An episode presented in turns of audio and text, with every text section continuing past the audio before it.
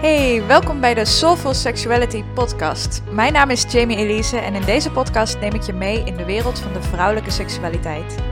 Ik heb zelf 10 jaar last gehad van vaginisme of pijn tijdens het vrijen, maar bevind me nu met regelmaat in de zevende sekshemel. En in deze podcast ontdek je hoe jij hetzelfde kunt bereiken. Want seksueel genot is je geboorterecht en dat hoeft niet gefaked of genegeerd te worden. Hey, superleuk dat je weer luistert naar een nieuwe aflevering van de Soulful Sexuality Podcast. Ik keek net even naar de statistieken van de Soulful Sexuality Podcast en daar zag ik dat er heel wat nieuwe luisteraars bij zijn. En ik vermoed dat dat iets te maken heeft met de shout-out die de Soulful Sexuality Podcast heeft gekregen van een van jullie in de Belgische Flair.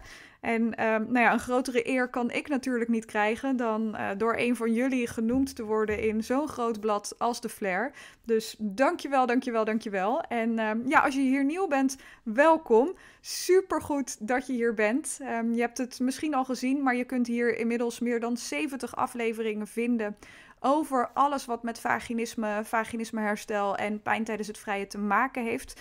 Het is echt een kleine goudmijn aan tips en inspiratie. Dus scroll vooral ook eens terug naar de wat oudere afleveringen. Kijk of een titel je aanspreekt en uh, luister daar ook eens naar. Want uh, ik vermoed dat je daar ook nog heel veel waarde uit gaat halen.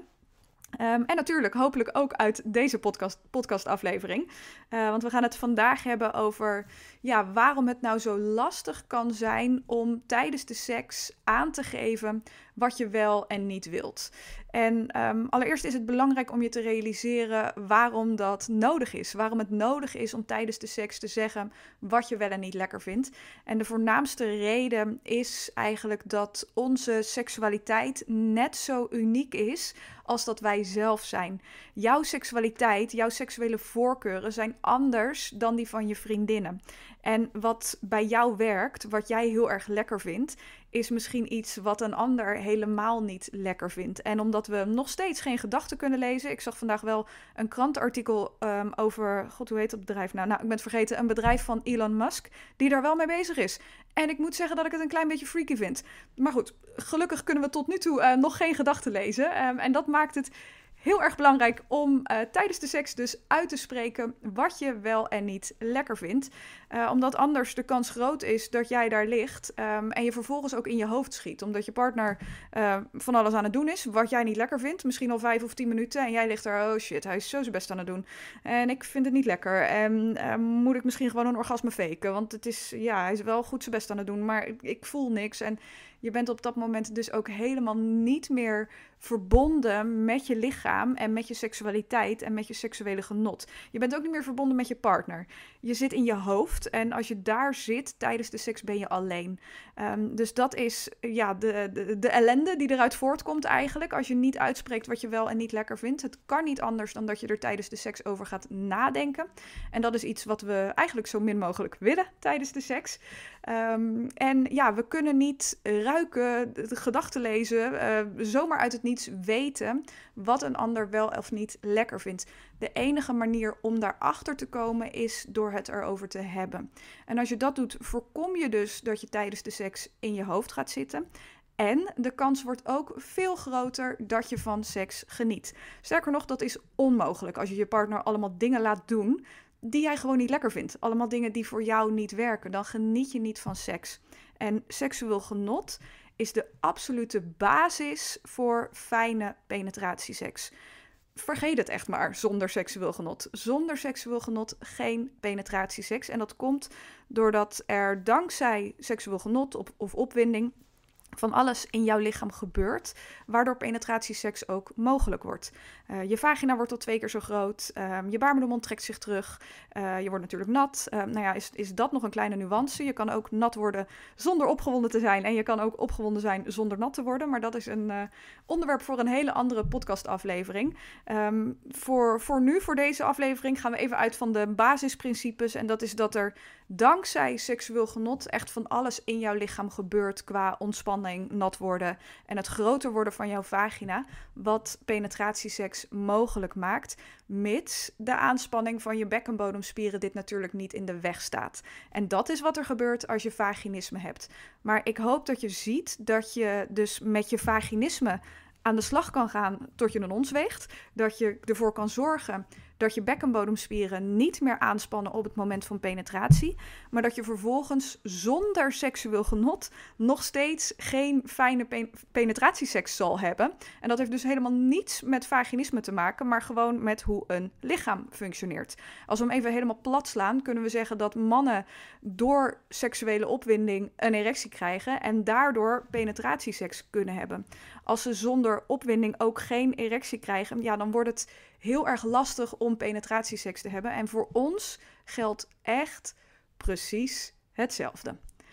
Goed, nu weet je hopelijk waarom het zo belangrijk is om over je ja, seksuele voorkeuren te praten. Om aan te geven wat je wel en niet lekker vindt. Dit is de sleutel tot meer seksueel genot, tot fijnere seks en uiteindelijk dus ook fijne penetratieseks. En ik vermoed dat dat de reden is uh, dat je hier bent en deze podcastaflevering luistert.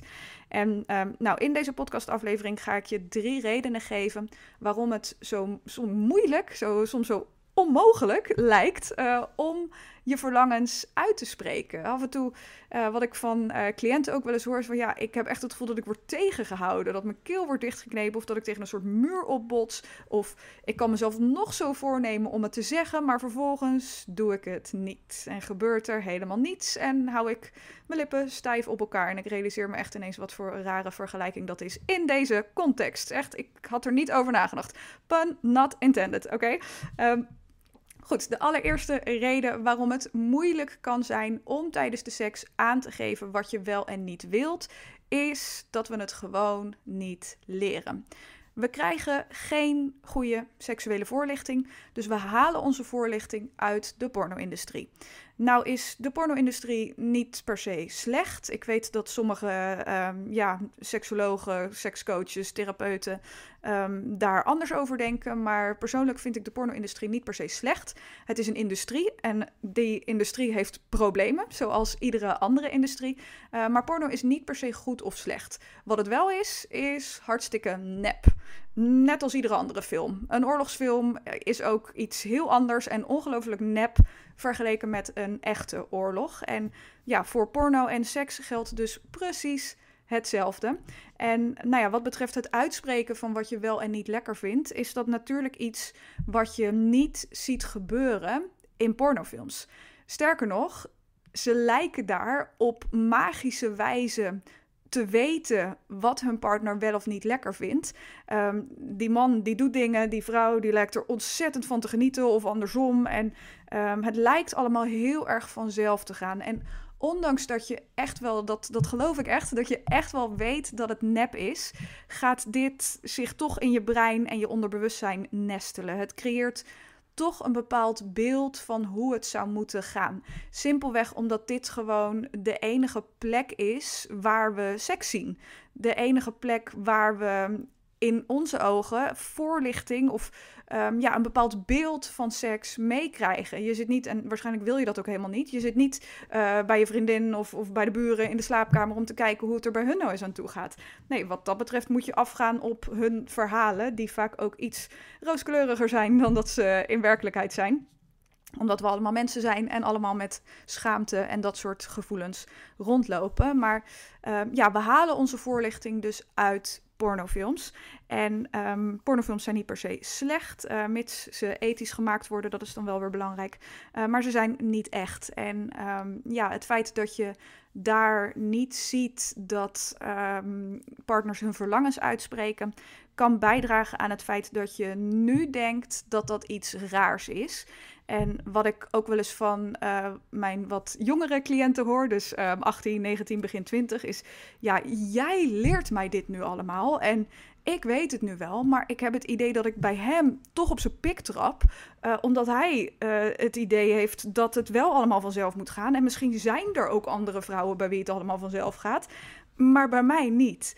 En um, wat ik je echt op het hart wil drukken, is dat um, jij in dit geval dus de ongelooflijk oncomfortabele en dappere taak hebt om deze jongens een beetje bij tijds wakker te schudden.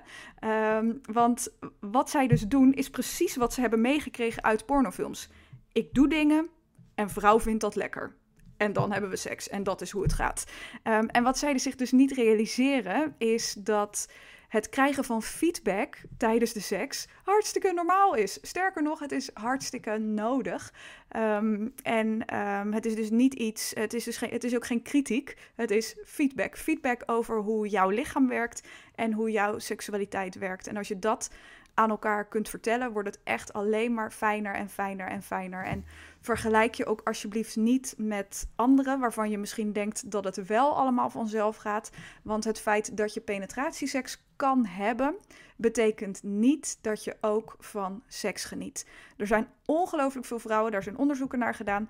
Um, meer dan 60% van de vrouwen geniet niet van seks. En dat zijn geen vrouwen met vaginisme, dat zijn vrouwen bij wie het gewoon lukt. Dus die liggen daar, die laten die man een beetje in zich pompen en vervolgens draaien ze zich om en denken, nou, dan kunnen we ook weer van het taaklijstje afstrepen. En ik denk dat je dat toch ook niet moet willen. Dus kijk alsjeblieft uit met jezelf te vergelijken met anderen. En ik heb echt alle compassie voor hoe dapper uh, de wat jongere vrouwen zijn die, uh, die hier naar luisteren. Die echt zoiets hebben van ja, de mannen van mijn leeftijd die zitten echt nog vast in dat pornobeeld. En die zijn echt nog uh, ja, op hun pik getrapt als ik zeg wat ik wel of niet lekker vind. Of dat vinden ze misschien raar of wat dan ook. Maar Um, ja, ik hoop dat je ziet dat dat niets zegt over jou en wat jij tijdens de seks wel of niet wilt. Dat zegt iets over het feit dat zij misschien, waarschijnlijk, nog echt nog vastzitten in dat pornobeeld. En ja, als ze daar niet uit kunnen komen, om wat voor reden dan ook, nadat jij hebt, hebt aangegeven, uh, mag je je afvragen in hoeverre je nog seks met hun wilt hebben. Want een fijne gezonde, veilige bedpartner is geïnteresseerd in wat jij tijdens de seks wel en niet lekker vindt. Um, en uh, nou, laat hem desnoods maar naar deze podcastaflevering luisteren. Um, goed, dit is dus de belangrijkste reden waarom het moeilijk kan zijn om tijdens de seks aan te geven wat je wel en niet lekker vindt. We leren het gewoon niet. We realiseren ons niet dat het hartstikke normaal is, wat overigens voor heel veel dingen geldt uh, tijdens de seks die heel erg normaal zijn, maar wat we in pornofilms niet zien. En daardoor denken we dat het abnormaal is en gaan we ons er ook een beetje voor schamen. Ik ook, oh shit, is het wel normaal dat ik dit lekker vind? Of is het wel normaal dat ik dit niet lekker vind? Is het wel normaal dat ik zo lang nodig heb? Is het wel normaal? Is het wel normaal? Is het wel normaal? Nou, de belangrijkste belofte die ik je kan doen is dat alles wat jij tijdens de seks wel en niet wilt normaal is. Puur vanwege het feit dat het persoonlijk is. Het is normaal, je bent niet gek, je bent niet raar, je bent hartstikke normaal en jouw voorkeuren zijn van jou. Uh, maar die schaamte, die um, komt dus vanuit het feit dat we niet leren dat het normaal is om hierover te praten. En daar komt nog eens bij, en dat is eigenlijk de tweede reden uh, waarom het moeilijk kan zijn om tijdens de seks aan te geven wat je wel en niet wilt. En dat is dat het kwetsbaar is. Dus we kunnen zowel een beetje schaamte voelen vanuit het feit dat we ons gewoon niet realiseren dat het heel erg normaal is om erover te praten. Um, en daarbovenop is het ook nog eens oprecht heel erg kwetsbaar om uit te spreken wat je tijdens de seks wel en niet wilt. Je laat daarmee een stukje van jouw binnenwereld zien. Je deelt een stukje van jouw binnenwereld op zo'n persoonlijk gebied ook eigenlijk als seks. Je deelt dit over het algemeen niet met Jan en Alleman. Niet met uh, de vrouw die achter je staat bij de kassa bij de Albert Heijn. Um, je deelt dit met je partner en misschien ook nog met wat vriendinnen. Maar dat hoeft natuurlijk niet eens per se. Uh, het is een heel erg persoonlijk iets. Een stukje wat ontzettend van jou is. En ja, je zet daarmee echt de deurtjes naar jouw binnenwereld open, uh, richting de ander. En dat is ongelooflijk kwetsbaar. En kwetsbaarheid tonen vraagt altijd van je dat je ja, je moed bij elkaar verzamelt. Um, want kwetsbaarheid kan altijd twee kanten op gaan. Het creëert of meer intimiteit en meer verbinding, of een, of een afwijzing. En die afwijzing is natuurlijk de reden dat we het zo spannend vinden en het het allerliefst uit de weg gaan. Um, maar ik hoop dat je ziet dat je, ja, wanneer je kwetsbaarheid eigenlijk uit de weg gaat om afwijzing uit de weg te gaan, je ook die diepere verbinding en um, ja, de kans om nader tot elkaar te komen, uh, volledig de, de deur daar naartoe doe je ook volledig dicht. Je blijft eigenlijk treuzelen daar voor die kwetsbaarheid en daarmee hou je je partner op afstand. Kwetsbaarheid is, uh, als je hem wat groter maakt dan alleen tijdens de seks zeggen wat je wel of niet lekker vindt, eigenlijk een hele mooie manier om te ontdekken welke mensen echt in jouw leven passen. Ehm, want ja, of ze zien een stukje van jou en daaruit blijkt dat het niet jouw mensen zijn, of ze zien een stukje van jou en doordat jij een stukje van jezelf laat zien, kunnen ze nog dichterbij komen en kan er een nog diepere verbinding ontstaan. Dus het is ja, echt een manier ook om jouw mensen in dit leven te herkennen en aan jezelf te binden, een, verbinding te creëren met z'n tweeën. En um, nou ja, tijdens de seks is het dus ook een manier om dichter bij elkaar te komen, omdat je elkaar op deze manier steeds beter leert kennen. Maar kwetsbaarheid komt altijd met het risico om afgewezen te worden en zal daarom ook altijd spannend zijn. Helemaal als het gaat om zoiets persoonlijks als seks of andere persoonlijke verhalen van jou. Daar herkent misschien uh, ja, wel van dat, dat je het absoluut niet moeilijk vindt om dingen van jezelf te delen die misschien niet heel persoonlijk zijn. Of um, om dingen van jezelf te delen waar je, ja, waarvan je gewoon denkt, ja, dit is wat het is en daar denk ik niet zoveel over na. Maar als het gaat om hele persoonlijke dingen of dingen waar je zelf moeite mee hebt, dan voelt het ineens heel erg kwetsbaar. En um, ja, dat heeft dus allemaal hiermee te maken met die angst voor afwijzing. Maar weet dus dat als je daarnaar luistert, je de intimiteit en verbinding ook geen kans geeft, eigenlijk. Een laagje dieper uh, gaat het als je ehm, vroeger hebt geleerd dat verbinding niet veilig is. Kwetsbaarheid, dat geloof ik echt, is voor iedereen spannend. Is voor iedereen echt even diep in en uitademen en het gewoon doen. Uh, maar sommige geluksvogels van ons hebben vroeger onbewust of bewust meegekregen dat verbinding niet veilig is. Dat heeft te maken met de manier waarop je bent opgegroeid. Um, het is echt niet zo dat je grote trauma's meegemaakt hoeft te hebben. Of dat je ouders de twee grootste debielen zijn die er op twee benen rondlopen. Dat ze nooit kinderen hadden moeten kunnen krijgen. Uh, weet ik het wat allemaal. Dat is allemaal niet nodig. Je kan een hele fijne opvoeding gehad hebben. Fantastische ouders hebben. En alsnog onbewust hebben meegekregen dat verbinding niet veilig is. Uh, misschien omdat jouw ouders niet met zichzelf in verbinding stonden. Met hun eigen binnenwereld, met hun eigen gevoelswereld. En dat om die reden niet aan jou hebben kunnen spiegelen. Als dat het geval is, heb je ja, als kind eigenlijk niet geleerd om met anderen te verbinden. Um, je hebt geleerd dat het ook een beetje bedreigend kan zijn als je bijvoorbeeld dingen te horen hebt gekregen als nou niet huilen, stel je niet aan, um, je, je, je, moet niet zo slap zijn. Um, als je dat soort dingen te horen hebt gekregen zodra je wat deelde over jouw gevoelswereld. Uh, maar het kan ook zo zijn dat je het gewoon niet kent, dat je gewoon niet weet hoe je met anderen moet verbinden. En ja, wat jouw systeem niet kent, bestempelt het automatisch als onveilig. Dus als je dit herkent, dan is het dus belangrijk dat je jouw systeem stap voor stap gaat leren dat verbinding veilig is. Um, en hoe je dat doet, is door eigenlijk veel kleiner te beginnen. En bijvoorbeeld eens wat vaker om hulp te vragen om eens wat vaker om hulp te vragen aan ouders, collega's, vriendinnen, andere mensen die dicht bij jou staan. En te leren dat je het niet allemaal alleen hoeft te doen. Um, je kan hier ook mee oefenen door um, ja, wat vaker iets van jezelf te delen met anderen die je vertrouwt natuurlijk. Met anderen bij wie dat veilig voelt. Misschien heb je een vriendin die je eens in vertrouwen kan nemen uh, over jouw vaginisme. Um, of over iets anders wat je spannend vindt om te delen. Dus zo zet je eigenlijk stapjes waarmee je, uh, als het goed is, want als het een positieve ervaring is, leert jouw systeem dat verbinding niet onveilig is. Dus als, je, uh, als het een positieve ervaring is, als iemand positief reageert op jouw kwetsbare verhaal, of um, als, je, als je voelt dat het veilig is om hulp van anderen te ontvangen, dat is een positieve ervaring voor jouw systeem. En daarmee zal het ja, verbinding langzaam maar zeker gaan herkennen en ook steeds meer als veilig gaan zien. Um, een andere manier om hiermee te oefenen, dat vind ik zelf een hele mooie manier, um, waar ik ook heel veel aandacht aan besteed eh, met veel van mijn cliënten in Path to Pleasure. En dat is met jezelf verbinden, door te voelen uh, wanneer je behoefte hebt aan verbinding. En dat klinkt misschien een beetje gek, maar um, eigenlijk, je hebt me misschien al heel veel horen praten over de verbinding met je lichaam. En de verbinding met je lichaam komt eigenlijk neer op het leren kennen van jouw lichamelijke sensaties. En daarop kunnen reageren. En als je een van de weinige geluksvogels op deze planeet bent, heb je dat van je ouders geleerd doordat ze jouw gevoelens en behoeftes aan jou spiegelden. Ehm, dus dat ze ook echt zeiden van nou, uh, hoe voelt dat? Waar voel je dat? Um, het geeft niet als je verdrietig bent. Voel je dat in je lichaam? Um, en dat ze ook met jou deelden wat er in hun omging. Van ja, mama is nu inderdaad heel erg verdrietig, maar ik beloof je dat dat niets met jou te maken heeft. er zijn wat dingetjes gebeurd en daardoor is mama nu verdrietig, maar mama is oké. Als je dat soort dingen mee hebt gekregen in jouw opvoeding, hebben jouw ouders jou geleerd om met jezelf te verbinden. Nou, de meeste van ons hebben dat uh, niet geleerd. Um, zeker de helft van de bevolking heeft dat gewoon niet geleerd.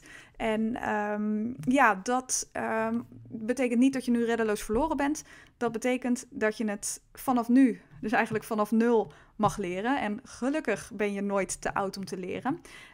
en de belangrijkste stap is dus om je bewust te worden van jouw lichamelijke sensaties. Omdat jouw lichaam echt aan jou signaleert wanneer het een tekort heeft aan verbinding. Ons hele systeem is gemaakt voor verbinding met anderen en voor bescherming. Um, het is gemaakt om met anderen te verbinden, maar ook om jou veilig te houden. En die bescherming zal ook altijd voor het verlangen naar verbinding gaan. Vandaar dat je, ja, ondanks dat je er echt wel voor gewired bent en dat je het ook echt wel heel graag wilt, um, kan jouw systeem het nog steeds blokkeren als het het als onveilig of gewoon als het het gewoon niet kent. Maar als het het als onveilig beschouwt of als het het niet kent, zal die bescherming dus voor dat verlangen om te verbinden komen. En ja, lukt het dus alsnog niet. Uh, maar in de kern hebben we allemaal een verlangen om met anderen te verbinden. En als je gaat oefenen met weer verbinden met je lichaam, zul je dat ook gaan voelen en zul je dat ook gaan herkennen.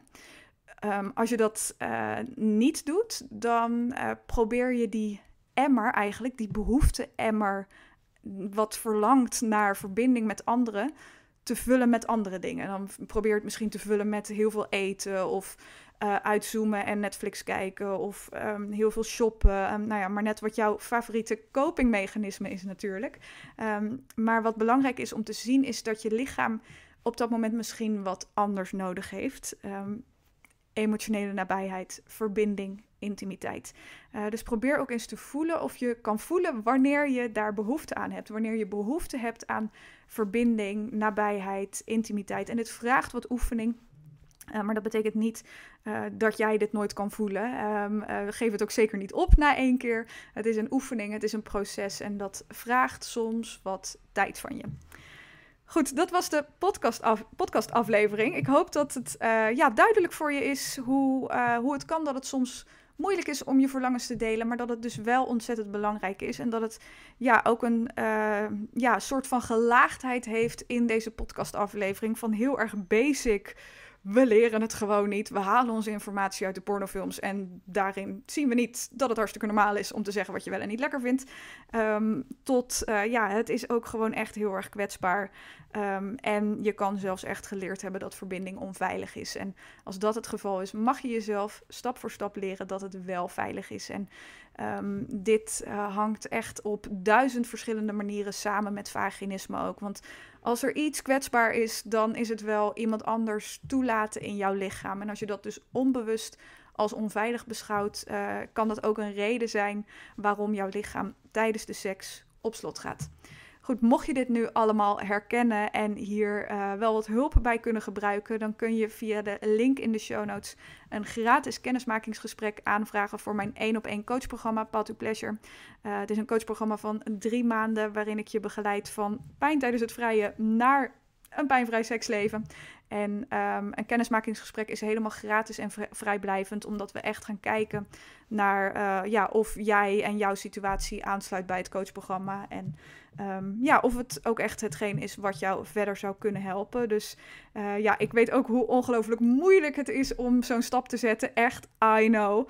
Um, en ja, weet je, weet dat je als je dat doet, als je voelt dat dit voor jou het moment is, dat je al ontzettend trots op jezelf mag zijn dat je dat doet. Want ook dat is je kwetsbaar opstellen. en het is tegelijkertijd jouw seksuele gezondheid serieus nemen natuurlijk. En daarvoor mag je jezelf ook al een enorme schouderklop geven. En um, nou ja, nogmaals, de kennismaking is uh, geheel vrijblijvend, gratis en is echt de allereerste stap naar een mogelijke deelname aan Path to Pleasure. Je zit dus helemaal nergens aan vast. Uh, maar je, ja, we gaan wel samen kijken naar um, waar je tegenaan loopt, waar je naartoe zou willen en of Path Pleasure jou ook verder zou kunnen helpen. Goed, wil je nou meer weten over vaginisme en wat nou de belangrijkste stappen naar herstel zijn, dan kun je je via de link in de show notes ook aanmelden voor mijn gratis online masterclass van Pijn naar Pleasure. In deze masterclass vertel ik je precies wat vaginisme is. En ook wat uh, de drie stappen zijn die iedereen moet zetten om van vaginisme af te komen. Um, en ik vertel je natuurlijk ook wat meer over Path to Pleasure, over het coachprogramma. Um, en als allerlaatste kun je me ook vinden op Instagram via healingpainful.sex. En ik vind het altijd leuk om daar van je te horen. Goed, voor nu een hele fijne ochtend, middag of avond en heel graag tot de volgende aflevering.